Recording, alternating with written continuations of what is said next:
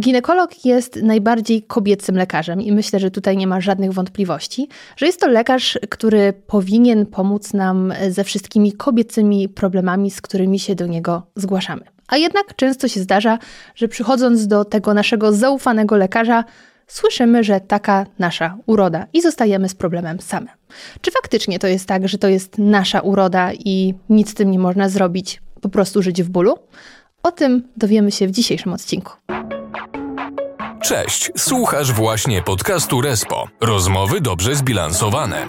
Poruszamy tutaj tematy ważne i istotne społecznie. Zrób głośniej i zaczynamy! Ale zanim na dobre wskoczymy w dzisiejszą rozmowę, to zachęcam Was do tego, abyście subskrybowali kanał, komentowali i stali się częścią społeczności Respo. No właśnie, tak jak już wspomniałam na początku, dzisiaj będzie o takiej pani urodzie, można tak sparafrazować. I razem ze mną jest dr Agnieszka Nalewczyńska, ginekolożka, specjalistka od trudnych tematów. I mam nadzieję, że Agnieszko, yy, rozwiejesz dzisiaj nasze wątpliwości, czy faktycznie to jest taka nasza uroda, czy, czy nie powinno boleć. Dzień dobry. Dzień dobry. Znaczy, wydaje mi się, że nie powinno boleć. Znaczy, czasami boli, ale musimy wiedzieć dlaczego, tak? Drugim takim hasłem przewodnim to jest taki pani urok. To też nie brzmi dobrze. E, I zdaję sobie sprawę, bo też kiedyś byłam pacjentem i też słyszałam podobnie. E, I to jest chyba tylko kwestia tego, jak się nastawimy, jak przeprowadzimy rozmowę z pacjentką, czy zależy nam na tym, żeby dotrzeć do tak naprawdę przyczyny i do źródła problemu. I większość da się rozwiązać. I naprawdę mamy bardzo niewiele takich przypadków, przy których rozkładamy ręce. A czy mogłabyś w takim razie krótko powiedzieć o tym, y, jak to się działo, jak ty słyszałaś to zdanie od lekarza, że taka twoja uroda? Z wieloma mm, problemami się zgłaszałam, czyli najczęściej nawracające infekcje. Nikt mi nie powiedział tak na dobrą sprawę, jak powinniśmy się myć. I to nie chodzi o to, że się myjemy za mało, tylko myjemy się źle, za głęboko, właśnie za dokładnie. Mhm. E, czasami jest takie zaklęte koło posiewów, czyli coś się dzieje, pobieramy posiew, tam są różnego rodzaju nieprawidłowe bakterie, najczęściej Escherichia coli leczymy ją, nie wiemy jak dalej postępować, no bo jakby zostaliśmy wyleczeni, dostaliśmy odpowiednie medykamenty i wchodzimy w dalej w to pasmo właśnie irygacji, głębokich kąpieli, wymywania się i często ta bakteryjna waginoza czy infekcje po prostu nawracają. A nikt niestety nie daje nam takiej instrukcji bycia kobietą, tego, że nie powinniśmy na przykład nosić wkładki, właśnie nie stosować irygacji, myć się poprawnie, że płyn do higieny intymnej powinien nam starczać na, nie wiem, 2-3 miesiące, a nie czasami na po prostu tydzień czy dwa, więc to jest dosyć istotne. Ja myślę, że w ten sposób tą odpowiedzią już zajawiłaś większość tematów, które dzisiaj poruszymy, okay. bo to jest mnóstwo wątków, o które będę chciała zahaczyć, bo ja sama y, tak naprawdę dopiero w ostatnich latach poczułam się doedukowana, bo tak jak mówisz, nikt nas nie uczy bycia kobietą, a to wcale nie jest łatwa sprawa i nieoczywista. Wiele rzeczy jest schowanych. Wiele jest schowanych, tak. I niektórzy się właśnie śmieją, że że jesteśmy zaprojektowane przez e, trzech specjalistów i jest to źle zaprojektowane, bo e, no dosłownie szampo jest przy pracu zabaw, a jeszcze na dodatek przeciekamy. I, I rzeczywiście, no mamy trzy otwory, gdzie mężczyźni mają tylko dwa. Ich cewka moczowa jest bezpośrednio czyszczona po każdym stosunku z jakichkolwiek wstępujących bakterii. No a nasza cewka niestety nie, czyli na przykład, jeżeli nie pamiętamy o tym, żeby po stosunku oddać mocz, to u części kobiet, bo nie mówię o wszystkich, to jest kwestia pewnej też predyspozycji, na przykład będzie nawracająca infekcja związana ze stosunkiem. I te dziewczyny też często borykają się z tym i odbijają się od ściany. Dostają różnego rodzaju leki, które muszą przyjmować przewlekle, no ale kto po każdym stosunku chce przyjmować tabletkę? No, I nie no. mówimy o tabletce po, nie? Tak, średnio romantyczny tutaj y, scenariusz.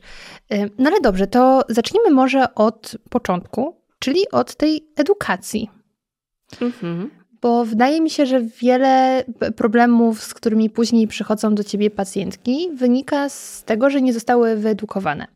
I teraz pytanie do ciebie, ponieważ tutaj wcześniej rozmawiałyśmy o tym, że masz córeczkę, która jeszcze nie jest nastolatką, ale to zbliża się wielkimi krokami, chociaż już, jak powiedziałaś, jest świetnie wyedukowana. Więc um, jak ty polecasz, jeśli na przykład słuchają nas mamy, y, edukować swoje córki albo najpierw samemu się do, doedukować, żeby później być gotowym na taką rozmowę? Gdzie szukać informacji? Bo myślę, że świetnym źródłem jest na przykład Twoje konto na Instagramie, gdzie bardzo dużo pokazujesz. Dla dorosłych kobiet na pewno. Mhm. E, natomiast dla osób, które chcą nauczyć się też rozmawiać z dziećmi, jest e, WDŻ, e, konto bardzo też, też fajne, więc polecam. Natomiast wiesz, jeżeli my jesteśmy świadome jako kobiety, nam jest troszeczkę łatwiej rozmawiać z dziećmi, chociaż to, że wiesz, nie znaczy, że wiesz, jak to przekazać. E, często można się wspomóc, jest coraz więcej inicjatyw też w szkołach. No, teoretycznie to, to, jak to się nazywa, wiedza do życia w rodzinie, a właśnie to WDŻ mm, powinno przejąć część roli e, informacyjnej, na pewno biologia też. No, ale ma, mieliśmy taką teraz przerwę w edukacji poprawnej na pewno w szkołach. Na przykład my mieliśmy problem z tym, żeby do niektórych szkół wejść nawet z takimi dystrybutorami menstruacyjnymi, tak? Bo niektórzy uważają, że, że miesiączka to w ogóle nie powinni się o tym mówić, bo dzieci będą mówić o seksie. No, no nie. E, niemniej jednak, jeżeli mama wie i umie rozmawiać, to najważniejsze jest to, żeby w żaden sposób dziecku nie zaburzać pewnych wzorców, tak? Bo dziecko jest bardzo otwarte na świat, ono nie wie, że coś jest wstydliwe, E, wiadomo, że w bardzo różnym momencie dzieci odkrywają swoją seksualność i dla części rodziców jest to, to jest za dużo i, mm, no i starają się od razu jakoś zareagować, tak, że nie, to źle, nie rób tego i tak dalej. E, wydaje mi się, że zawsze z dziećmi trzeba rozmawiać w miarę otwarte karty, ubierać to w takie słowa, na jakie one są gotowe, no ale też nie zdrabniamy na zasadzie, że to jest twój kwiatuszek, jeżeli chodzi o cipkę. No nie wiem, można na, sobie nazwać, tak? Może być to pipka, może być to cipka, może być to pochwa, może być to srom. Słabe mamy ta pochwa i srom to są takie słabe nazwy, Słyszałam wiesz? twoją rozmowę właśnie z, z jedną panią w podcaście, jak ona mówiła, że ona lubi wulwę, mhm. a bardzo nie lubi cipki. No, i to jest, to jest okej. Okay. Natomiast my też robimy teraz trochę badań na temat y, świadomości. Na przykład kobiety w Polsce nie wiedzą, że vulwa to strom. Że vulwa mhm. w ogóle się kojarzy, wiesz, z naszymi narządami zewnętrznymi, bo to są zewnętrzne. Y, na całym świecie i praktycznie w, u, chyba w, w, większości naszych sąsiadów po prostu vulwa to vulwa. Wiesz, y, czy po angielsku, czy po hiszpańsku to jest bardzo podobnie i tak samo po francusku, więc jest trochę łatwiej.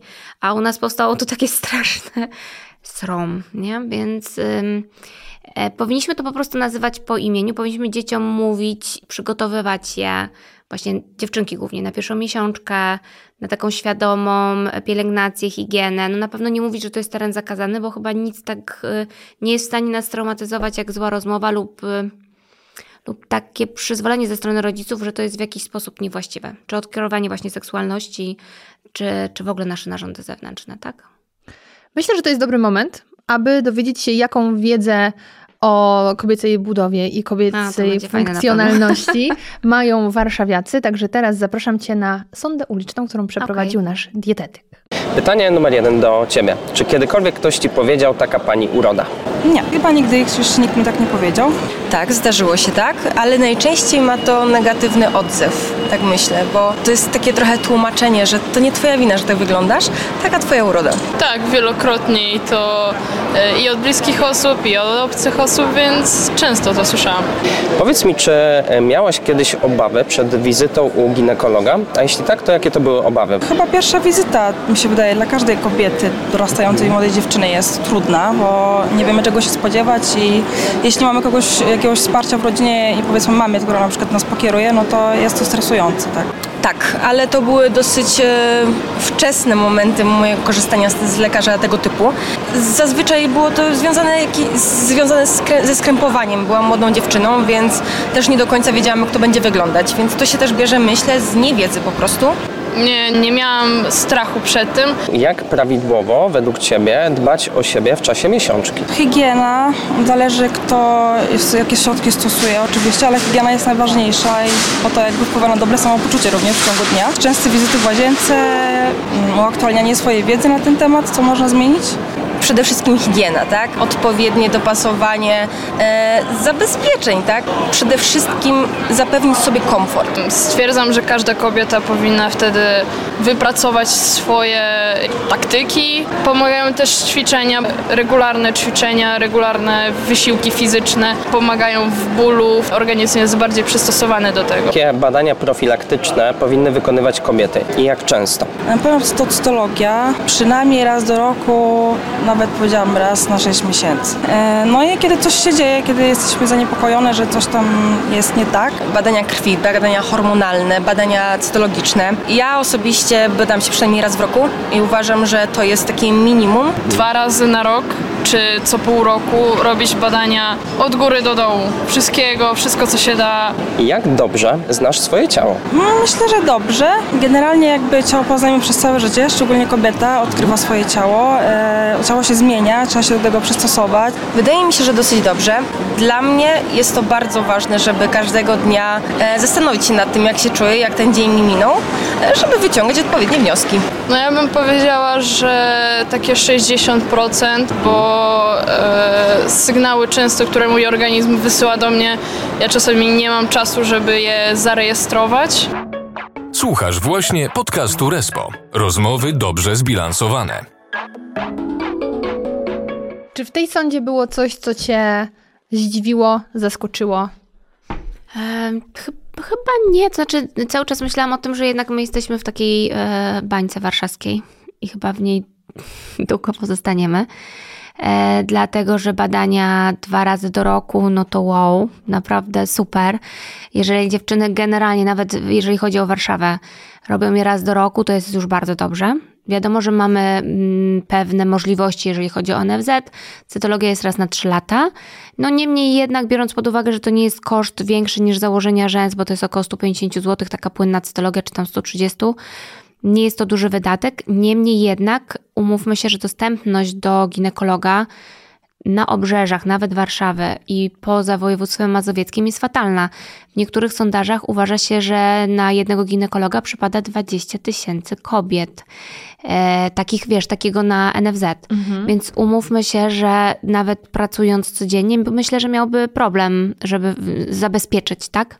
Pacjentki, niektóre oczywiście wracają z jakiegoś powodu, więc jest to i długi termin oczekiwania. em, no tak, myślę, że, że byłoby idealnie, gdybyśmy się tak często badały.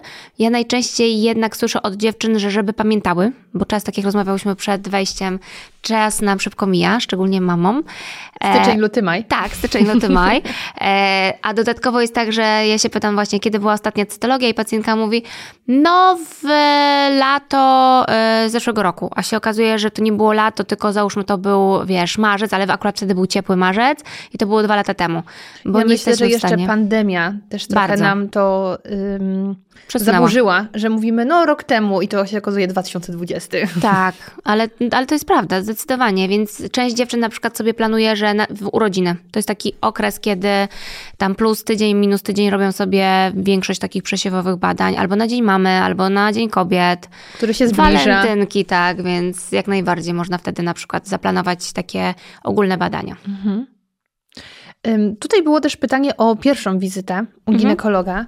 I ja tak trochę pamiętam jak za mgłą, ale faktycznie było to dla mnie dość takie stresujące, bo właśnie nie wiedziałam czego się spodziewać. I wydaje mi się, że dzisiaj już więcej w internecie jest o tej informacji, właśnie jak się przygotować, e, co ze sobą zabrać, o czym mówić.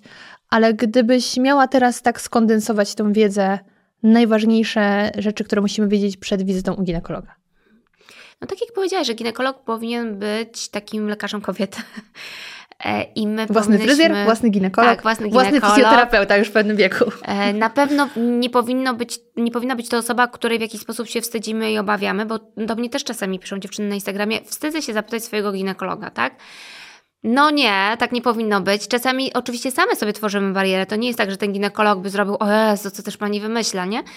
Tylko, tylko mamy jakąś taką barierę. Na pewno też jest łatwo zapytać obcej osoby, pisząc do niej, tak jak do mnie, niż powiedzieć to twarzą w twarz, więc to też rozumiem. Niemniej jednak ta pierwsza wizyta to przede wszystkim tak, jeżeli zależy od wieku, y, powinna być do 16 roku życia, tak plus minus. Ja nie wszystkie pacjentki albo córki moich pacjentek zmuszam do tego, żeby to było do 16 roku życia, no bo wiadomo, że to tak jak tutaj padło, wiąże się z jakimś stresem.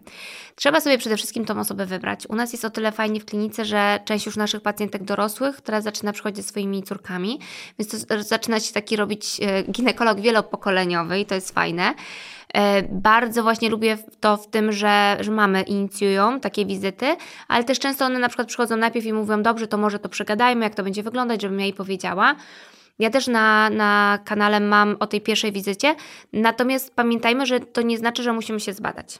Niektóre nasze pierwsze wizyty, jeżeli na przykład nie ma dolegliwości, polegają na tym, że dziewczynki przychodzą i po prostu zaznajemiamy się, takie obwąchiwanie się, tak?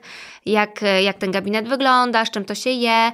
Uczymy je na przykład, żeby zapisywać miesiączki w różnego rodzaju aplikacjach.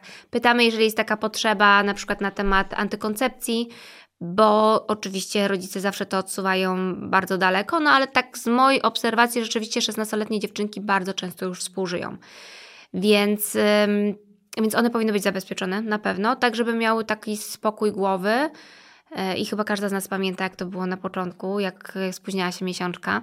Mm, trzeba dziewczynce właśnie powiedzieć trochę o tej higienie intymnej, powiedzieć, jak się przygotować właśnie czasami do pierwszego razu, e, zaznajomić się z, z ciałem i czasami jest to tylko praca z lusterkiem, czyli my nie badamy, ale jeżeli na przykład dziewczynka chce się rozebrać, no to wtedy sobie oglądamy na przykład narządy, jeżeli one mają jakieś pytania, a często mają pytania dlatego że jednak dostęp do filmów pornograficznych jest ogromny. Tak, tam tylko klikasz, mam 18 lat i, i hula.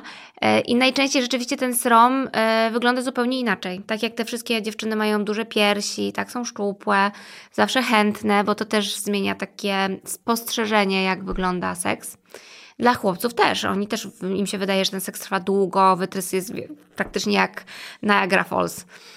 E, więc trzeba to pewne rzeczy odczarowywać i mówić, że i tak jest, i tak jest, i że ten strom się zmienia, że on ciemnieje, że mogą być różnego rodzaju wydzieliny, więc często jest to po prostu taka dyskusja i wtedy, kiedy dziecko jest gotowe lub już nastolatka lub dziewczyna jest gotowa, to przechodzimy do pełnego badania. Nie zawsze jest to przed pierwszym stosunkiem. Świetnie. Jak tego słucham, jak wygląda ta pierwsza wizyta, czy może już nie boisz. Tak, to się już nie boję. To po prostu zazdroszczę, naprawdę zazdroszczę takiego fajnego wejścia, bo, yy, bo to, co ja żałuję, nie chciałabym się mhm. zamienić z młodym pokoleniem i być teraz nastolatką, ale to, czego żałuję, to że chyba mniej sfer życia oni dzisiaj mają naznaczonych wstydem. Tak, na pewno. A wstyd jest tak destrukcyjny. Zobacz stomatolog, o którym rozmawialiśmy, prawda? Dramat. Teraz idziesz, ja, moje dziecko miało usuwane po prostu wszystkie praktycznie mleczaki, to wiesz, pak, znieczulonko, oczywiście wiadomo, że to nie jest y, okej, okay, czy tam fajne, ale, ale nie jest traumatyzowany. To stomatolog nie jest, Aśka to wręcz uwielbia jeździć do stomatologa na, na sprawdzenie. Są różowe plomby, niebieskie plomby, możesz sobie wybrać, co tam sobie chcesz, więc teraz stomatolog jest fajny po prostu. I tak samo myślę, że może być ginekolog i to też y, da nam nowe takie nawyki no, życiowe. Jak ja rozmawiam z niektórymi pacjentkami takimi i 40-50+, plus, to kiedy była ostatnia miesiączka, to czasami pada, że, znaczy miesiączka, Boże, wizyta, to pada czasami, że przy porodzie. Ostatni raz byłam u ginekologa albo w szpitalu, więc no jest to przepaść. Tak? Szczególnie jest. tak się pomyśli o tej profilaktyce, której te, która też wybrzmiała. E, wybrzmiała. My, cały czas jest program e, i są wysyłane zaproszenia do pacjentek na te badania profilaktyczne. I tak mam wrażenie, że ten, kto chce pójść, to pójdzie, a ten, kto po prostu nie chce, to nie pójdzie i koniec, kropka. Nic go do tego nie zmusi. No dobrze, ale skoro jesteśmy przy tej profilaktyce, to zatrzymajmy się trochę dłużej, bo e, oglądałam sobie też Twój występ w telewizji śniadaniowej na temat bólu piersi. To mhm. w ogóle było dla mnie ciekawe, że po pierwsze ten temat został poruszony, a po drugie, że został zaproszony ginekolog. Mhm. Bo tak zupełnie szczerze, moim pierwszym skojarzeniem od kwestii biustu nie był ginekolog. A kto? Onkolog od razu. Okej, okay, no to już tak z grubej rury. Wiesz, ja mam taką historię rodzinną, ale ale faktycznie moje wszystkie jakieś takie badania od razu są u onkologa, on to wszystko kontroluje i okay. wszystkie guzki i tak dalej. Nie, no to też jest dobre rozwiązanie. Znaczy tak, ja uważam, że jednak piersiami, jeżeli chodzi o diagnostykę, powinien się zająć radiolog. Mhm, tak. E, I oczywiście wiadomo, że część ginekologów robi różnych innych lekarzy specjalizacji to jest okej, okay. my mamy kursy i jesteśmy do tego jakby przeszkoleni.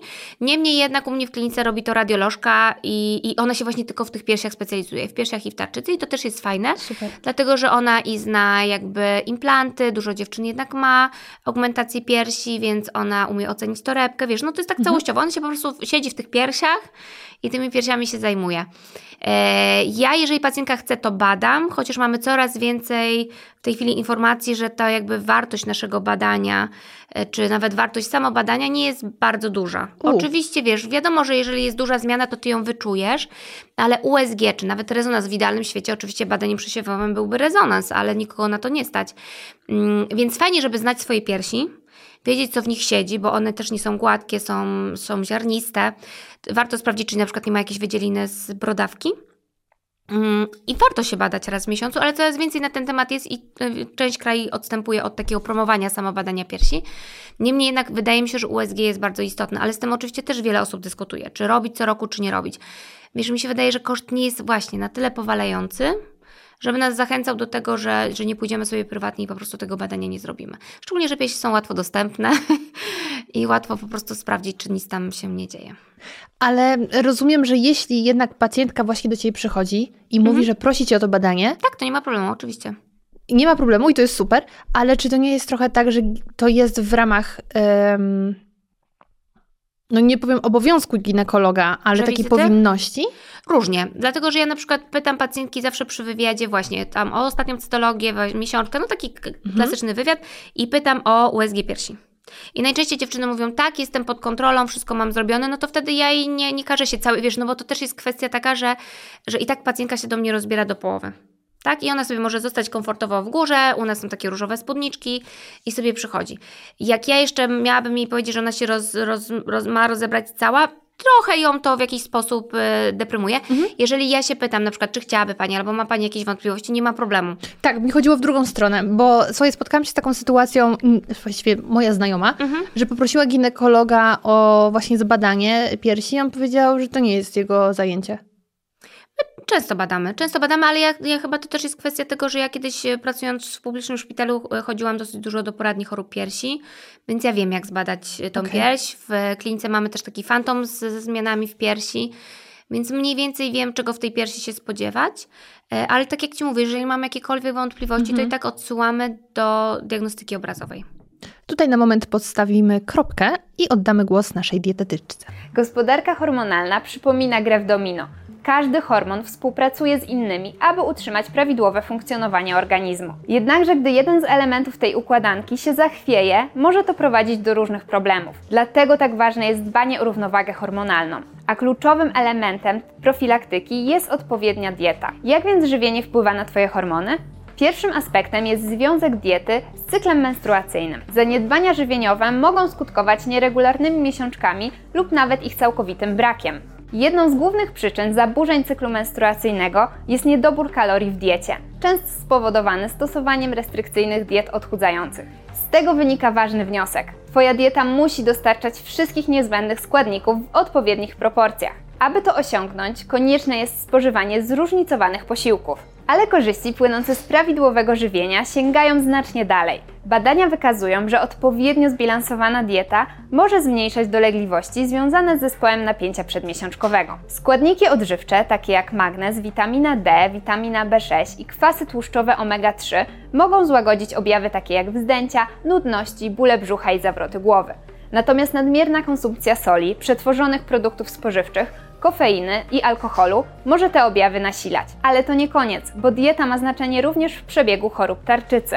Gdybyśmy mieli wymienić jeden narząd, którego choroby w ostatnim czasie są na topie i coraz więcej osób szuka pomocy dietetyka, bo zmaga się z objawami chorób tego narządu, to pierwsze miejsce zajęłaby właśnie tarczyca.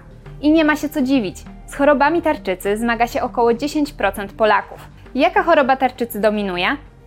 Wydaje się, że największym problemem jest obecnie autoimmunologiczna choroba Hashimoto.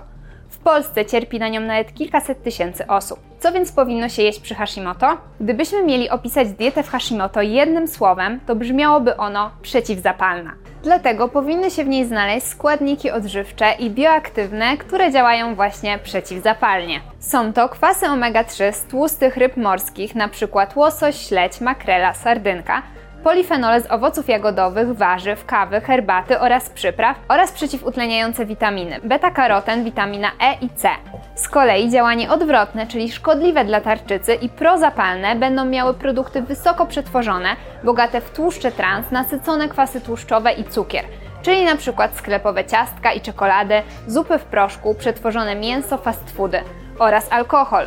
Tych produktów warto w diecie unikać, bo mogą nasilać objawy Hashimoto. Jeśli masz tą chorobę i nie wiesz, jak dopasować swoją dietę, najlepiej skonsultuj się z dietetykiem, który pomoże Ci dobrać odpowiedni plan żywieniowy, dopasowany do Twoich potrzeb.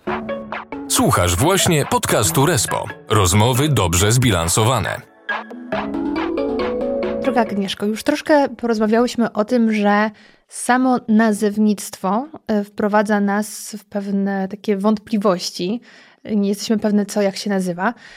A skoro mamy problem z nazewnictwem, to domyślam się, że z samą budową również nie jest łatwo. Y, często spotykasz się z taką sytuacją, że przychodzi do ciebie pacjentka i nie do końca wie, co tam właściwie ma? Myślę, że coraz rzadziej, ale to też ze względu, że do mnie często przychodzą pacjentki, które też mnie obserwują na Instagramie. Więc już je wyedukowałaś wcześniej.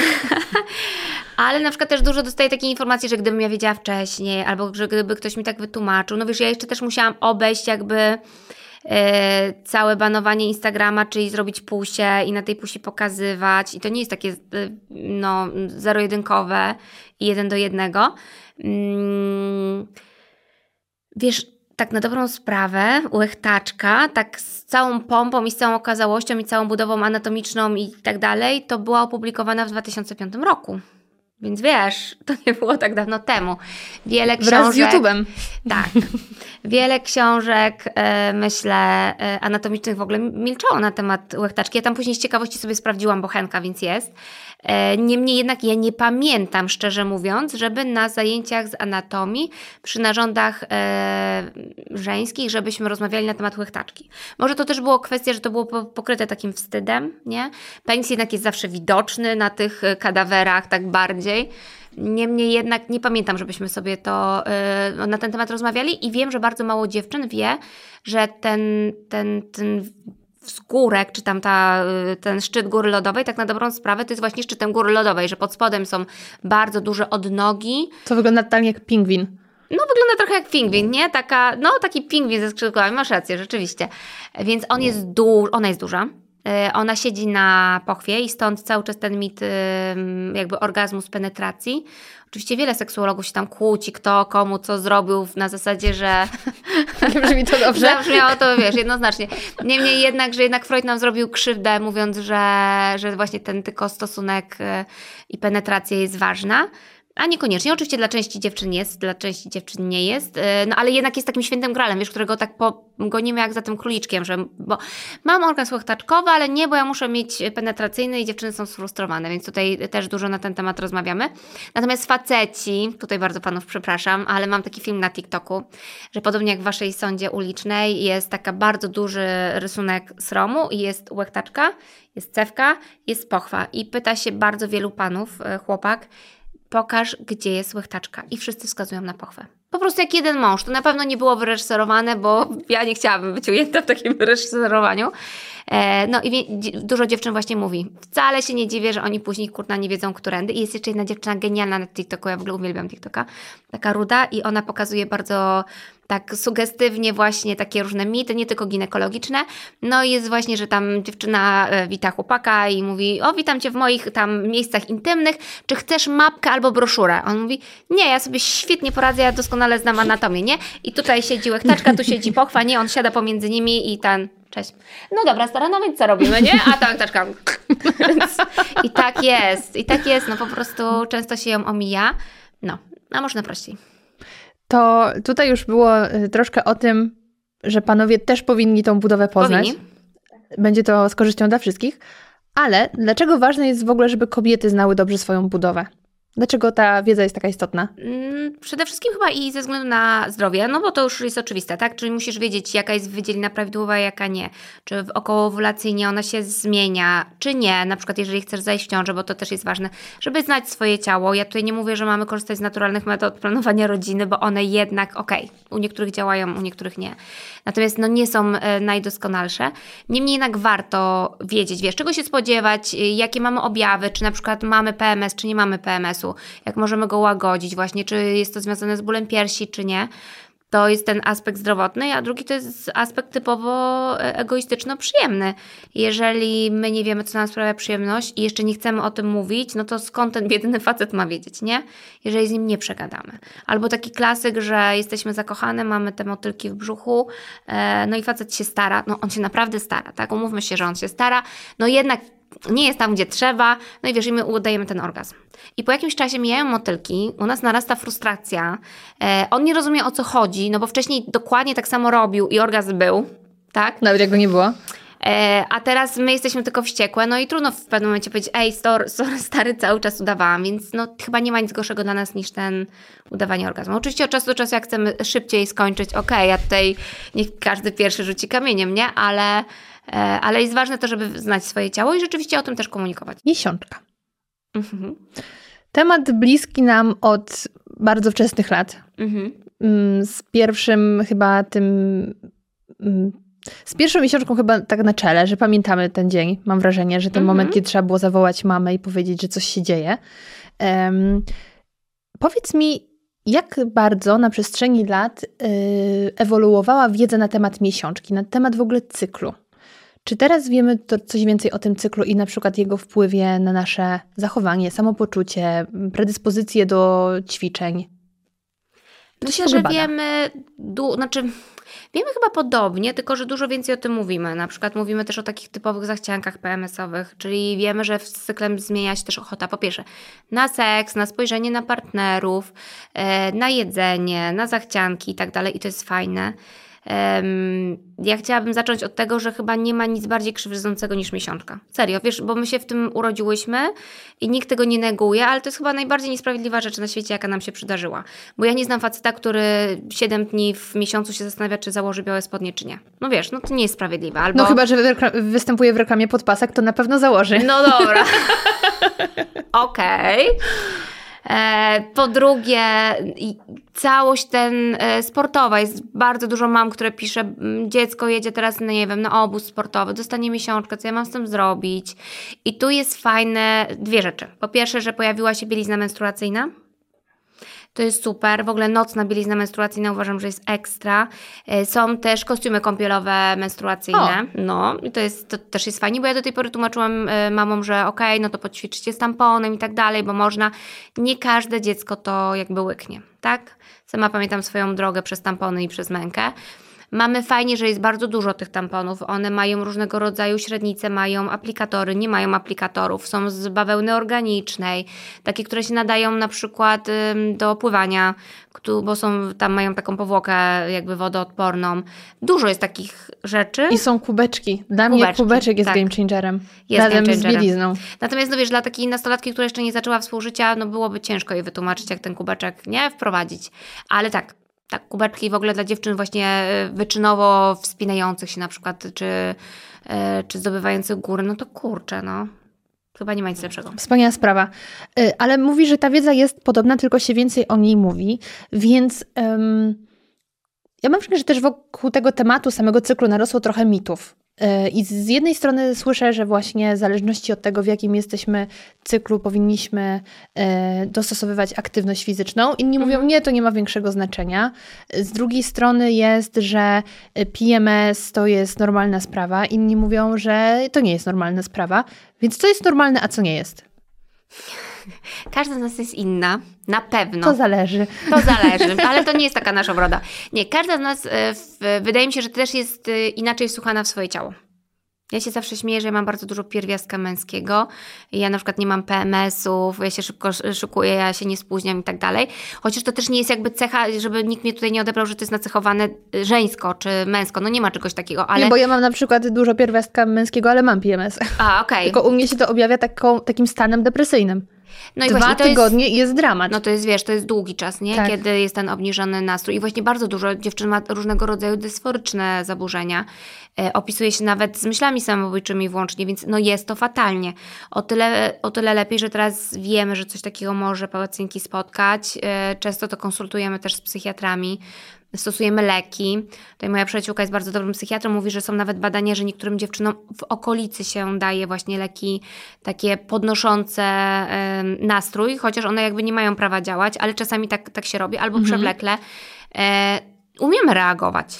To jest ok, niemniej jednak zobacz, jakie to jest bardzo naznaczone, prawda? To są dwa tygodnie z życia kiedy w sumie niezasłużenie. Później i... tydzień masz okres, tak. więc jeszcze Też nie funkcjonujesz normalnie i masz tydzień normalnego funkcjonowania, a później słyszysz, o Jezu, bo te wasze hormony. No. Typie, ja się z tym i tak bardziej męczę niż ty. Dokładnie. Nie, lepiej bym tego nie ujęła. Tak, tak, bardzo mnie to właśnie irytuje, jak ten, a bo jesteś przed miesiączką albo cokolwiek. Chociaż to tak najłatwiej tutaj, powiedzieć. Przepraszam, że, że wtrącę, ale mnie to w ogóle niezrozumienie całego tego schematu rozwala pod tym kątem, że ja pamiętam, że jeszcze w gimnazjum czy w liceum chłopaki mówili, o co, masz okres, bo na przykład ktoś po prostu się wkurzył i to Mhm. pomijając, że możesz się na kogoś wkurzyć, ale wtedy oznacza, że na pewno masz okres, Dokładnie. a po drugie PMS jest przed, Przed. okresem, więc Tak. nawet nie trafiłeś. Znowu.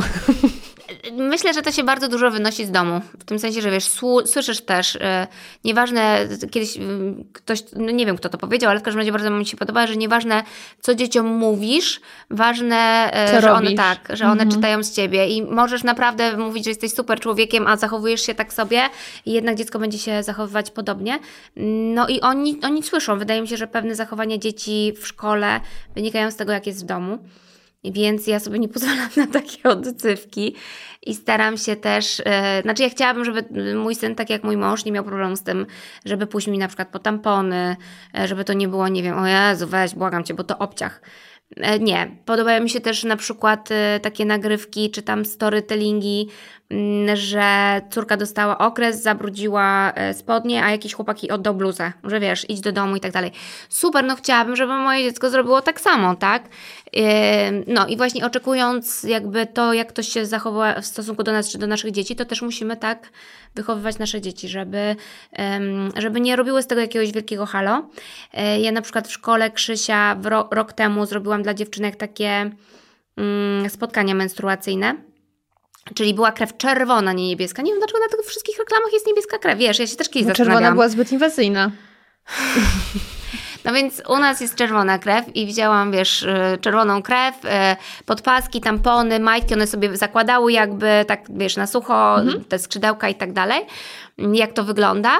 Oczywiście było to spotkanie dla dziewczynek, no ale w tym czasie chłopcy mieli spotkanie z urologiem, ale teraz y, ja mam fundację jeszcze, która walczy z ubóstwem menstruacyjnym i wzięłam ich w ramach, bo muszą mieć dzieci wyrobione wolontariaty teraz i wzięłam ich w ramach wolontariatu i w ogóle, słuchajcie, żaden chłopiec się nie sprzeciwił, w tym sensie, że nie było tak, o Jezu, to jest obciach czy cokolwiek, e, do naszych magazynów, żeby nam pomogli e, poukładać.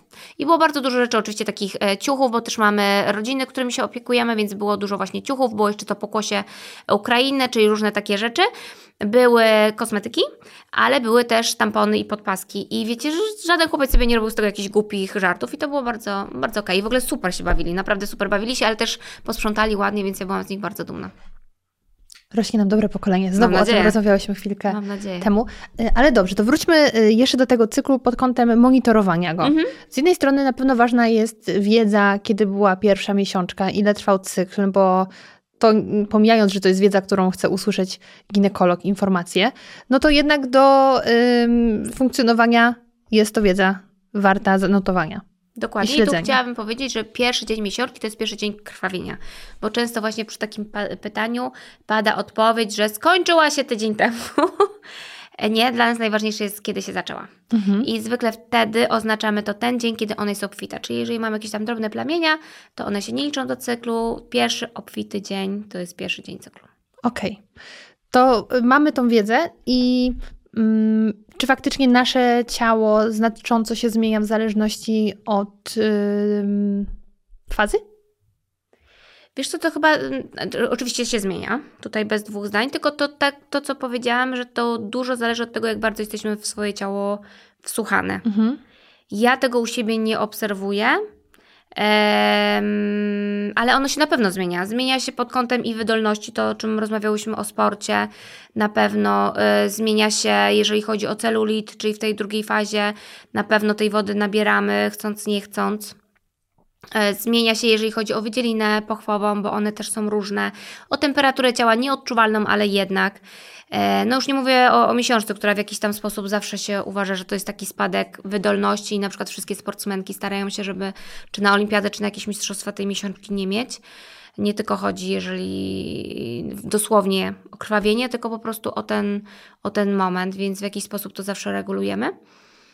Tak, i to zależy. U niektórych dziewczyn właśnie jest PMS, bolesność piersi, przetłuszczające się włosy, zły nastrój, problem z cerą. No tego naprawdę można wyliczać dużo. Większy teoretycznie chęć do współżycia w okresie okołowulacyjnym i po miesiączce, później to tylko pikujące w dół, nie? I bez kija nie podchodź.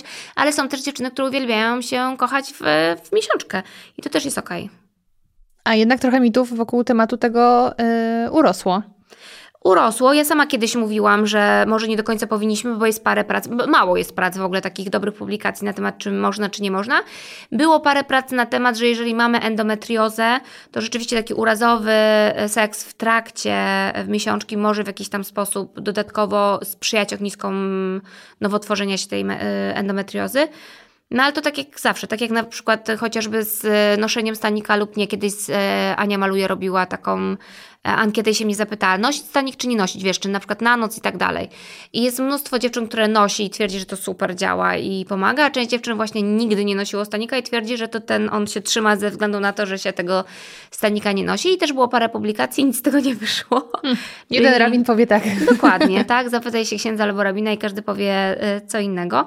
No i podobnie jest z miesiączką, że są dziewczyny, które właśnie świetnie się czują w miesiączkę, są dziewczyny, które się świetnie czują się w owulację, różnie. Czyli najważniejsze jest samorefleksja i obserwacja. Wspomniałaś już o endometriozie i to jest um, przypadłość, dolegliwość, choroba. Um, choroba, o której w ostatnich latach mówi się szczególnie dużo. Mhm. I chyba każda z nas ma koleżankę, która niestety na to cierpi. Mhm. Więc um, powiedzmy dokładniej, co to jest, jak się objawia i co można zrobić.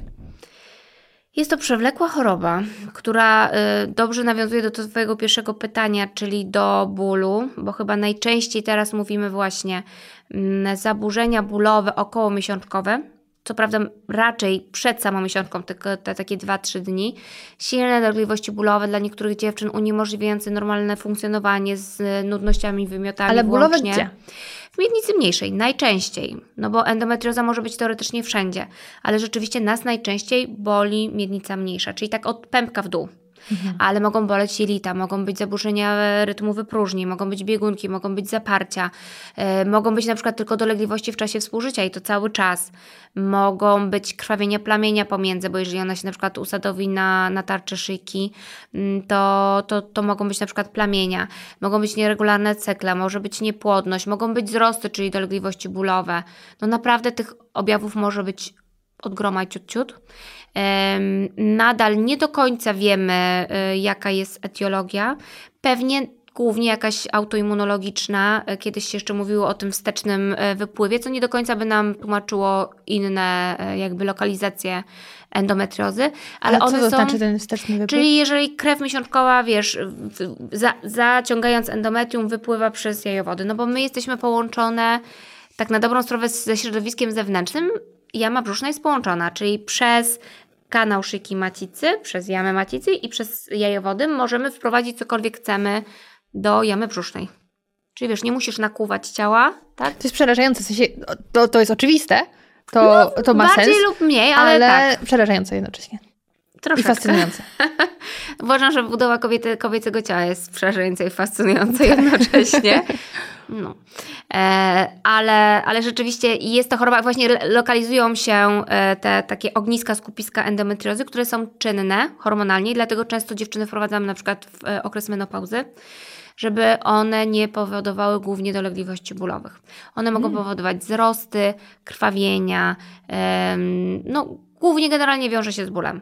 I tutaj też, skoro jesteśmy przy endometriozie, chciałabym jeszcze powiedzieć, e, w ogóle tutaj zarekomendować i doktor e, Jacko i doktor Borowiec, bo one są super e, specjalistkami, jeżeli chodzi o endometriozę, ale że jeżeli na przykład endometrioza u nas nie jest jakby potwierdzona, a nadal mamy takie silne dolegliwości bólowe, a już mieliśmy dużo diagnostyki, no to warto się jeszcze udać do flebologa, i ja tutaj jestem wdzięczna, że mam e, profesora Palucha, który też dosyć czynnie działa na Instagramie i on edukuje dziewczyny. Czyli A ta specjalizacja oznacza co? Flebolog. To jest lekarz, który się zajmuje naczyniami. Hmm A w, niestety nasza miednica mniejsza ma dużo tych naczyń. Jak ona jest przekrwiona, to właśnie ból po stosunku, ból w czasie okresu, ból po ćwiczeniach, obrzęk stromu.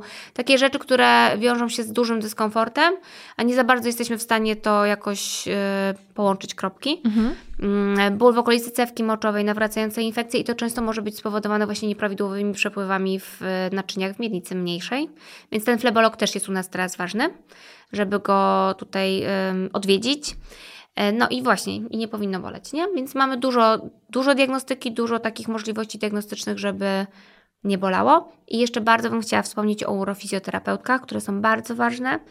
E, I na przykład u nas w klinice dziewczyny bardzo sobie fajnie radzą e, z takimi bólami teoretycznie, wiecie, mm, jatrogennymi, idiopatycznymi. To mamy takie mądre słowa jako lekarze, żeby nie powiedzieć taki twój urok, tylko po prostu jesteśmy już przebadane, i zostaje nam właśnie przede wszystkim mięśnie dna miednicy mniejszej, czyli duża grupa mięśni, które poprzez swój skurcz lub nieprawidłowy właśnie rozkurcz może powodować takie bóle napięciowe. Tak jak mamy bóle napięciowe karku, y, nie wiem, barku, tak w miednicy mniejszej też, a tam jest dużo, tak jak wspomnieliśmy, narządów, naczyń i przez odpowiednią pracę, terapię manualną jesteśmy w stanie też pomóc dziewczynom w bolesnych miesiączkach i bliznach. A myślisz, że tak profilaktycznie też warto się wybrać? Zawsze. Do urofizjoterapeutki każda dziewczyna powinna przed porodem pójść raz i po porodzie pójść mhm. drugi raz, co najmniej, jeżeli nie ma żadnych dolegliwości. Dobra. No to słuchaj, teraz yy, myślę, że to jest dobry moment, aby oddać głos naszej ekspertce. Fizjoterapeuta uroginekologiczny zajmuje się przede wszystkim dolegliwościami związanymi z mięśniami na miednicy, pęcherza, odbytnicy, problemami jelitowymi, problemami oddechowymi, jak najbardziej też. Czyli na przykład, jeżeli doświadczasz nietrzymania moczu, yy, parć naglących, yy, czyli zdarza się, że jesteś na spacerze i nagle masz parcie, że musisz od razu yy, oddać mocz i musisz jak najszybciej szukać tej toalety. Często takie pacjentki mówią, że znają mapę toalet y, w całym mieście i takim treningiem będziemy również i terapią będziemy pomagać naszym pacjentkom, ale właśnie również w przypadku zaparć, w przypadku y, problemów Y, z okolicy odbytnicy, czy hemoroidy, czy y, bóle kości guzicznej, y, bóle spojenia łonowego, zespoły bólowe miednicy mniejszej i mm, takie właśnie dolegliwości jak bolesne miesiączki, czy, czy wulwodynia, vestibulodynia, czy pochwica. Z tym jak najbardziej się można do fizjoterapeutki zgłosić i to będzie uzupełnienie terapii u ginekologa. Fizjoterapia uroginekologiczna nie jest nowością. Co prawda nam się wydaje, że już wyskakujemy z lodówki i wszystkim e, dookoła opowiadamy, na czym polega nasz zawód. No i faktycznie jest tak, że jak przychodzą do nas pacjentki do gabinetu, to dalej e, są zaskoczone, czym realnie się zajmujemy i jak takie badanie wygląda. Bolesne współżycie. Często mówi się, że mm, to bolesne współżycie przestanie być bolesne po porodzie, bądź miesiączka przestanie być bolesna po porodzie. Może, ale nie musi. I my możemy zdecydowanie pomóc y, w przypadku i bolesnych miesiączek, i w przypadku bolesnego współżycia. Y, czy jest to na poziomie y, płytkiej penetracji, czy wstępnych dolegliwości bólowych, czy warto zgłosić się do fizjoterapeuty uroginekologicznego profilaktycznie, czyli w momencie, kiedy występują pierwsze miesiączki i chcemy Mm, no na przykład naszą córkę, y, skierować na taką wizytę profilaktycznie. Jeżeli ta miesiączka nie jest bolesna y, i przebiega absolutnie fizjologicznie, tak jak zdecydowanie powinna przebiegać, nie jest bolesna, nie przeszkadza nam w codziennym funkcjonowaniu, nie, zdecydowanie nie widzę powodu, dla którego miałybyśmy profilaktycznie na taką wizytę się zgłaszać. Jeżeli pacjentka nie zgłasza żadnych dolegliwości, jest wszystko dobrze. Natomiast jeżeli miesiączka utrudnia nam codzienne funkcjonowanie, bądź jest y, bardzo obfita, bądź jest bardzo bolesna. Mamy szereg innych dolegliwości z ciała, które nam będą mm, utrudniać to, to codziennie funkcjonowanie, to taka wizyta wtedy może być zdecydowanie przydatna. E, ale trzeba również skonsultować się z ginekologiem, czy nie dochodzi do zaburzeń na poziomie hormonalnym bądź dietetykiem klinicznym w kontekście też mikroodżywiania. Też może być bardzo przydatne. Czyli znowu pracujemy pracujemy y, w zespołach e, interdyscyplinarnych. Czy wizyta u fizjoterapeutki uroginekologicznej jest bolesna? No właśnie, to jest taki ciekawy temat, bo czasami doktor łokieć aż kusi, żeby tam e, popracować, ale nie mówię w kontekście samego dna miednicy, tylko na mięśniach czasami pośladkowych. Ta praca na mięśniach na miednicy, czyli przez pochwowa, staramy się, żeby była w komforcie dla pacjentki, czyli żeby ta wizyta była jak najmniej bolesna, bądź w takiej skali y, odczuć dla pacjentki komfortowych. Słuchasz właśnie podcastu Respo. Rozmowy dobrze zbilansowane. A mam jeszcze takie jedno zagadnienie, bo endometrioza, czyli ten ból, który odczuwamy, nie jest naturalny. Mm. Ale myślę, że jest jeszcze takie zagadnienie, o którym się mniej mówi, bo dotyczy mniejszego procenta kobiet, czyli popraw mi, jak teraz przekręcę nazwę, bo zazwy zazwyczaj przekręcam, ale tyło zgięcie miednicy? Macicy. Macicy. Miednica to jest jakby kostny tak, fragment. Tak, tak. Miednicy i e, ma, macicy. Tak, miednica tak. jest kostna. I tutaj jednak ten ból też się pojawia, co na przykład na kręgosłup może promieniować. I co wtedy możemy zrobić? Pojawia się. E, przede wszystkim ja uważam, że urofizjoterapeutki sobie świetnie z tym radzą. Dlatego często też jakby poród, czyli czasami się oczywiście zmienia to położenie i ułożenie macicy względem pozostałych narządów po porodzie. Czyli wiesz, ona rośnie, no musi wyjść jakby z miednicy mniejszej, bo normalnie jakby nie przekracza e, miednicy mniejszej położenie macicy.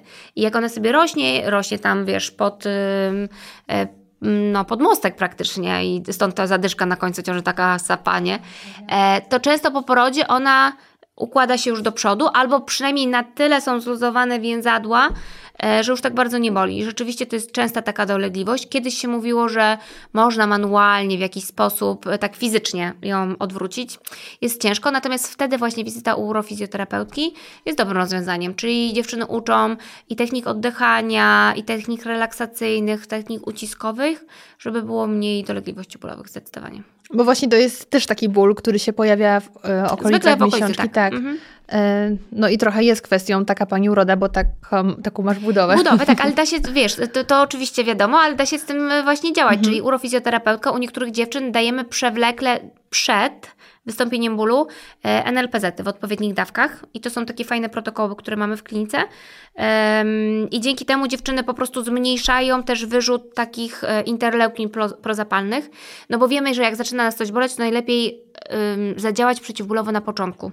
Bo jeżeli ból się rozkręci, jest go dużo trudniej i dużo ciężej i dużo więcej potrzebujemy farmaceutycznego wspomagania, żeby go ugasić, tak jak z pożarem. E, więc tak samo przygotowujemy się 3 dni przed okresem, dając sobie NLPZ i zwykle też jest trochę mniej z tych dolegliwości. To teraz chciałabym, abyś opowiedziała o tym, co nas tak realnie powinno zaniepokoić, e, kiedy nauczyłyśmy się obserwować siebie i jest wyjątek od reguły. Więc kiedy jest to może kwestia na przykład przemęczenia, e, więc jeśli spóźnia się okres, to ok, wróci, a kiedy e, bijemy na alarm i idziemy do ginekologa? No teraz aspekt przemęczenia jest dosyć istotny. Bo średnio idziemy w work-life balance e, w porównaniu z naszymi rodzicami, którzy zamykali drzwi pracy o 16 i wiesz, nikt do ciebie nie zadzwonił, nie odpalałaś maila. Że to jest naprawdę. Op- ja, ja jestem z siebie bardzo dumna, nie mam Apple Watcha. Czyli w ogóle nie mam e, takiego, jak to się nazywa, e, nie smartfona, tylko smartwatcha, mhm. bo już wtedy chyba w ogóle byłabym na smyczy. Niemniej jednak i za duży wysiłek fizyczny Psychiczny stres to chyba są jedne z najczęstszych przyczyn tego, że miesiączka po prostu nie przychodzi. Pamiętajmy też, że cykl to jest 28 dni plus minus 7, czyli 21, 35 to jest nadal ok, bo czasami dziewczyny mówią, spóźnia mi się okres, a to jest, nie wiem, 29 dzień cyklu. I rzeczywiście część z nas ma regularnie, super. Natomiast no, dajmy sobie jakąś taką zakładkę. Jeżeli widzimy na przykład, że zawsze było to 28 dni, a teraz nagle się on wydłuża, albo skróca i skraca i, i rzeczywiście cały czas się skraca lub cały czas się wydłuża, no to powinniśmy się też zastanowić, dlaczego. Jest dosyć dużo pacjentek z powodu przewlekłego stresu, które wchodzą w przedwczesne wygasanie jajników. Czyli taką, no można powiedzieć, że menopauzę, ale no zupełnie tutaj nie w tym momencie życia. Więc powinniśmy rzeczywiście ten cykl obserwować i tutaj jest super, mamy wiele aplikacji, które nam w tym pomagają i później jest łatwiej. Ja, ja zawsze wybaczam swoim pacjentom, którym mówią, Jezu, nie przygotowałam się, nie wiem kiedy jest ostatnia miesiączka, bo ja nigdy nie wiem. Jeżeli Od wiesz, tego jest kalendarz. Dokładnie. Ale ja czasem jeszcze nie klikam tego, więc czasami sobie tam okay. próbuję. A z drugiej strony zawsze mnie to bawi, jak na przykład przychodzą pary razem e, i dziewczyna się odwraca, Misiu, kiedy była ostatnia miesiączka? Mówię, Boże, mój stary chyba nigdy nie wie, kiedy wiesz, wiesz, jeszcze będzie pamiętał, kiedy. Więc no to też jest kwestia takiej bliskości w związku. E, niemniej jednak miesiączki to jest standard, tak? Powinniśmy wiedzieć, kiedy one na, następują, czy są bolesne, czy coś się zmieniło. Bo jeżeli jest to taka norma, która zawsze idzie, to jest ok.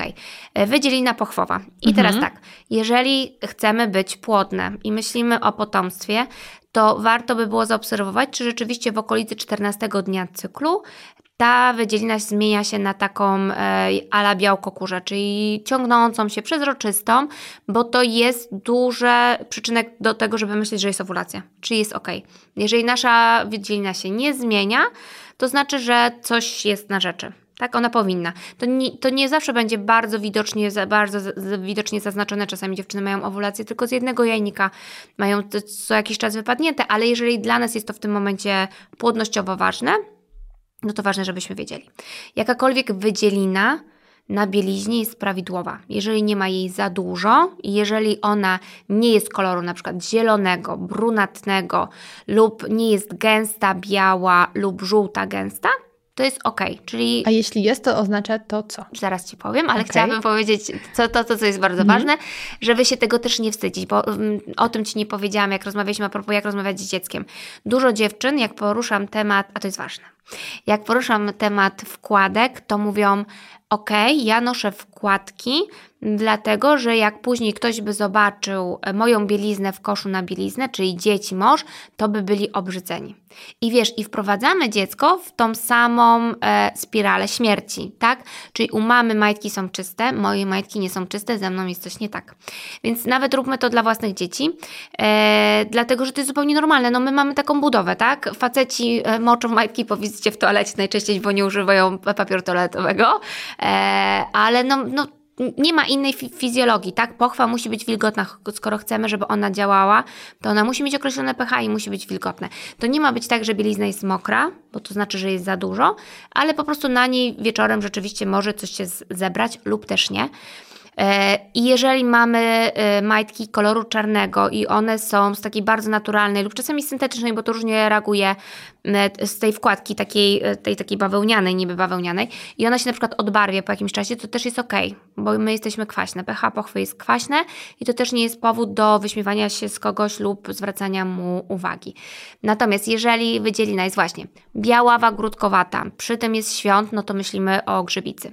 Jeżeli jest pienista, zielona, no to myślimy najczęściej właśnie o jakiejś chorobie przenoszonej drogą płciową, typu rzęsistek i tak dalej.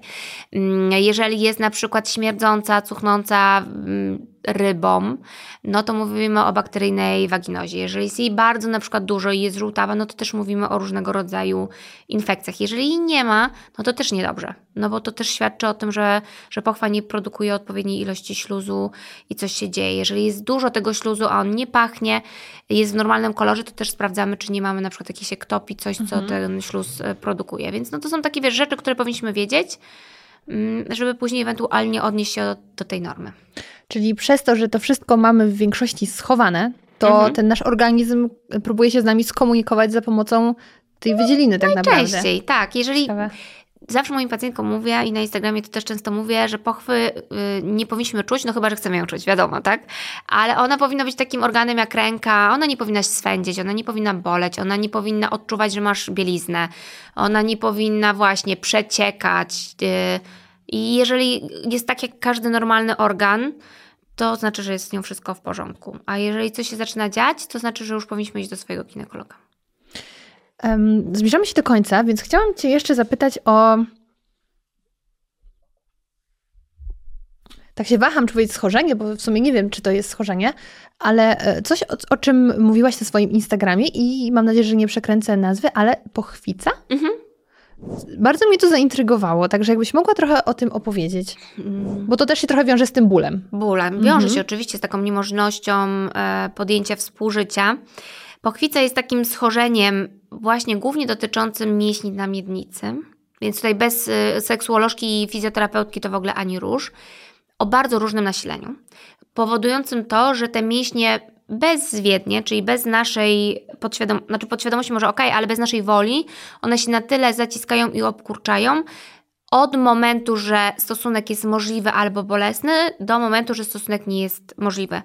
E, Mówimy często o takim brick walls, czyli e, no, t- t- taki typowa wiesz, ściana z cegieł i rzeczywiście w takim czwartym stopniu ona jest na tyle zaciśnięta, że partner nie jest w stanie spenetrować. Rozumiesz? Jest po prostu murem zamkniętym. Mhm. Tak samo pacjentki nie są w stanie się dotknąć, nie są w stanie założyć sobie tamponu, nawet się umyć, więc ona ma bardzo różne stopnie nasilenia. Natomiast w takim właśnie tym najbardziej e, zaawansowanym, to często jest e, nawet niemożliwe wykonanie oczywiście badania ginekologicznego, ale dotknięcie pacjentek, więc e, część pacjentek sobie u nas na przykład to przepracowuje z seksuolożką i przychodzi na przykład z taką kartką. Pani doktor, więc tak, dzisiaj na wizycie dotykamy się od tak, od nóg, na przykład do wnętrza ud, żeby się oswoić i może na następnej wizycie na przykład będzie mogła Pani mnie delikatnie, nie wiem, dotknąć, zbadać. Jeżeli pacjentki mają to przepracowane, bo tych przyczyn może być dużo, czyli właśnie e, takie nawracające tłumaczenie przez osoby dorosłe, że to jest wstyd, nie dotykaj, bo to jest brudne, nie wiem, nieczyste i tak dalej, przez różnego rodzaju, o tym też warto pamiętać, wykorzystanie seksualne w różnym stopniu przez stres związany na przykład z wczesnym spojrzeniem na pornografię, czasami na stosunek rodziców, gdzie dziecko odbiera, że nie wiem, mamie lub tacie się dzieje krzywda, no bo to są różne takie mimiczne wtedy e, różne odbiory dzieci. E, Więc bardzo dużo jest takich powodów, też nawracające infekcje. Są dziewczyny, które po prostu tak często miały infekcje, że ta głowa, bo to często u nas po prostu ta głowa się skomunikowała z ciałem, że w ogóle wiesz, chcemy o, o tobie zupełnie zapomnieć i ta pochwa się zupełnie zamyka. Jeżeli my jesteśmy w stanie z pacjentką pracować, to często podajemy toksynę botulinową w te mięśnie, która po prostu y, rozluźnia je. Czyli oczywiście musimy pracować, żeby pacjentka wiedziała, żeby po tym, jak minie efekt działania toksyny, nadal mogła je rozluźniać, ale mamy czas na przepracowanie, mamy czas na na przykład na zastosowanie różnego rodzaju dildo, wibratorów, różnych zewnętrznych. Mamy też takie specjalne wężyki w klinice, które wibrują, żeby nauczyć się wyzwalać e, ten dotyk. E, A jeżeli pacjentka ma taki stopień czwarty, ja takiej pacjentki jeszcze nie miałam, ale jak się uczyłam i się szkoliłam za granicą, to bardzo dużo jest takich pacjentek w krajach muzułmańskich i w Indiach. I te pacjentki są w znieczuleniu miejscowym, e, tak miejscowym albo e, ogólnym e, badane i podawana toksyna. Często ta pacjentka się już budzi ze znieczulenia, na przykład z dildo w pochwie, żeby ona wiedziała, że w ogóle jest taka możliwość. Wiesz o co chodzi. I ona, oczywiście ona musi o tym wiedzieć. To nie jest tak, że wiesz, Tak, tak, budzisz tak. się.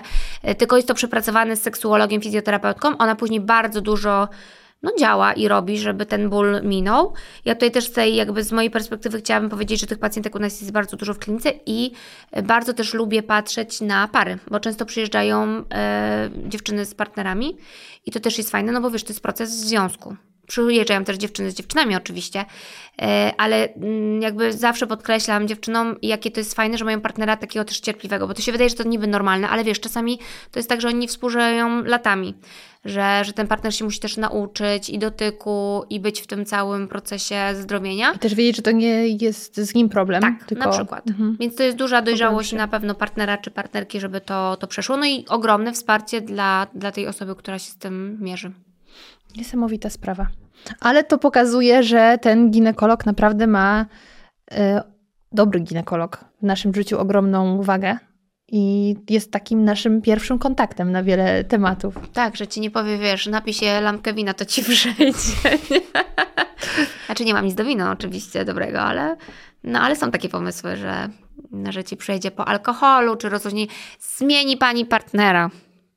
To też jest czasami rozwiązanie, nie? Ale, e, ale jednak tak. I tutaj też chciałabym, a właśnie, jeszcze jeden tylko taki apel do dziewczyn a propos zmiany partnera, że ja na przykład obserwuję u dziewczyn i tego się nauczyłam, bo ja się uczę od swoich pacjentek bardzo dużo, e, że mm, ból w trakcie seksu zgłasza nam i czy na Instagramie, czy w gabinecie 30% dziewczyn. Bardzo dużo, nie? Jakbyś, wiesz, tu była koleżanka, Mhm. to ta To trzecia, trzecia. Mhm. co trzecia z nas em, może się z tym mierzyć. E, I często na przykład ból w czasie stosunku jest jakąś tam nieprzepracowaną traumą w kierunku partnera lub partnerki. Często jest to zdrada, e, brak poczucia właśnie takiej więzi, e, bezpieczeństwa, poczucia własnej wartości, więc chciałabym, żeby dziewczyny też wiedziały, że, że warto czasami naprawić związek lub ten związek w jakiś sposób odczarować lub ewentualnie po prostu odejść, bo, bo nasza głowa, e, jak to mówią, e, potrafi więcej niż e, podpowiada ci twoje ciało, nie? Ewa Chodakowska? Więc no. I to tak się może, może tak się stać. Na, na, naprawdę, no wiesz, my jesteśmy głową. Faceci tutaj też nie mówiąc panom, oni są zero-jedynkowi. Wszystko jedno, czy on się na ciebie gniewa, czy nie gniewa, czy wiesz, czy się nawet ogoliłaś, czy się nie ogoliłaś, to my sobie y, wdrukowujemy takie rzeczy, że on nie będzie mnie chciał, bo ja właśnie tam nie, nie dogoliłam włosków. Albo, albo nie wiem, albo trochę mam trzy fałdki na ciele i tak dalej. Więc my sobie to robimy. I my kobietom, tak wiesz, wmawiamy. Niemniej jednak e, wydaje mi się, że jeżeli relacja jest dobra, to dużo łatwiej mo- możemy pewne rzeczy rozwiązać. I ten ból też.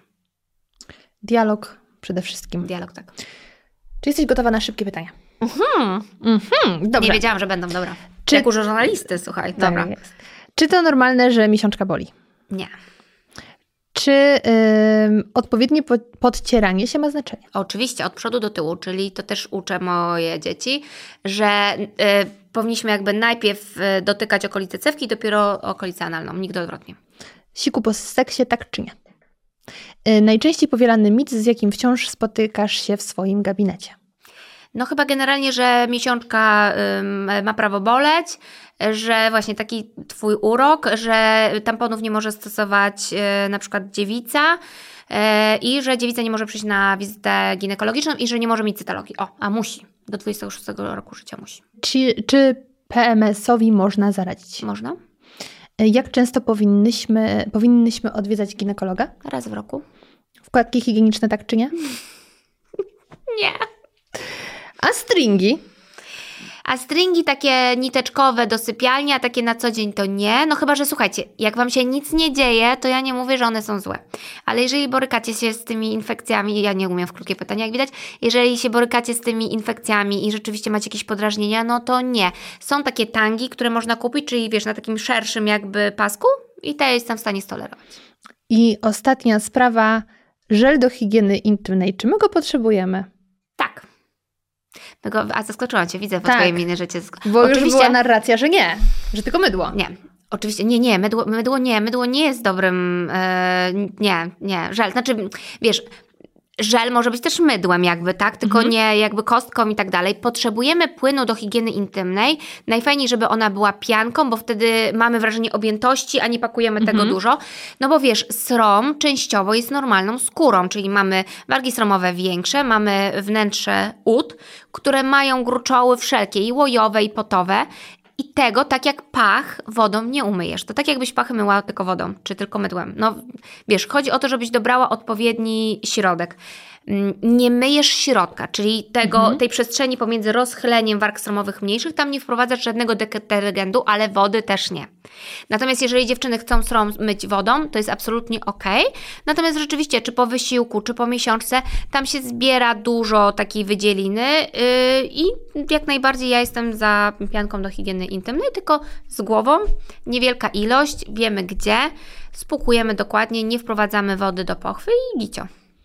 Doktor Aha. Agnieszka Nalewczyńska, ginekolożka. Bardzo dziękuję. Dziękuję bardzo. Kiedy kupujesz gotowy jadłospis, wybierasz tylko jego rodzaj i kaloryczność. Brak indywidualnego wywiadu oznacza, że będziesz jeść produkty, których nie lubisz lub które są niedostosowane do Twoich preferencji czy schorzeń. Co więcej, bez żadnej możliwości edycji diety. W Respo od samego początku to Ty masz decydujący głos. Chcesz jeść naleśniki? Dostajesz naleśniki. Nie chcesz jeść kasz lub makaronów? Nie dostajesz ich. Edytujesz dietę w zależności od tego, co i kiedy chcesz zjeść. Jeśli coś Ci nie pasuje, piszesz do dietetyka i otrzymujesz nowe propozycje dań. Dowolnie żonglujesz przepisami, które wybrał dla Ciebie opiekun i zawsze możesz liczyć na profesjonalne wsparcie. To był podcast Respo. Rozmowy dobrze zbilansowane. Dzięki, że jesteś z nami do końca. Jeżeli podobała Ci się ta rozmowa, koniecznie zostaw komentarz i oceń ją w serwisach streamingowych. Tworzymy ten podcast dla Was, więc jeżeli masz pomysł na ciekawy temat, napisz do nas. I koniecznie subskrybuj nasz kanał, żeby nie ominęły Cię kolejne odcinki. To co? Do następnego!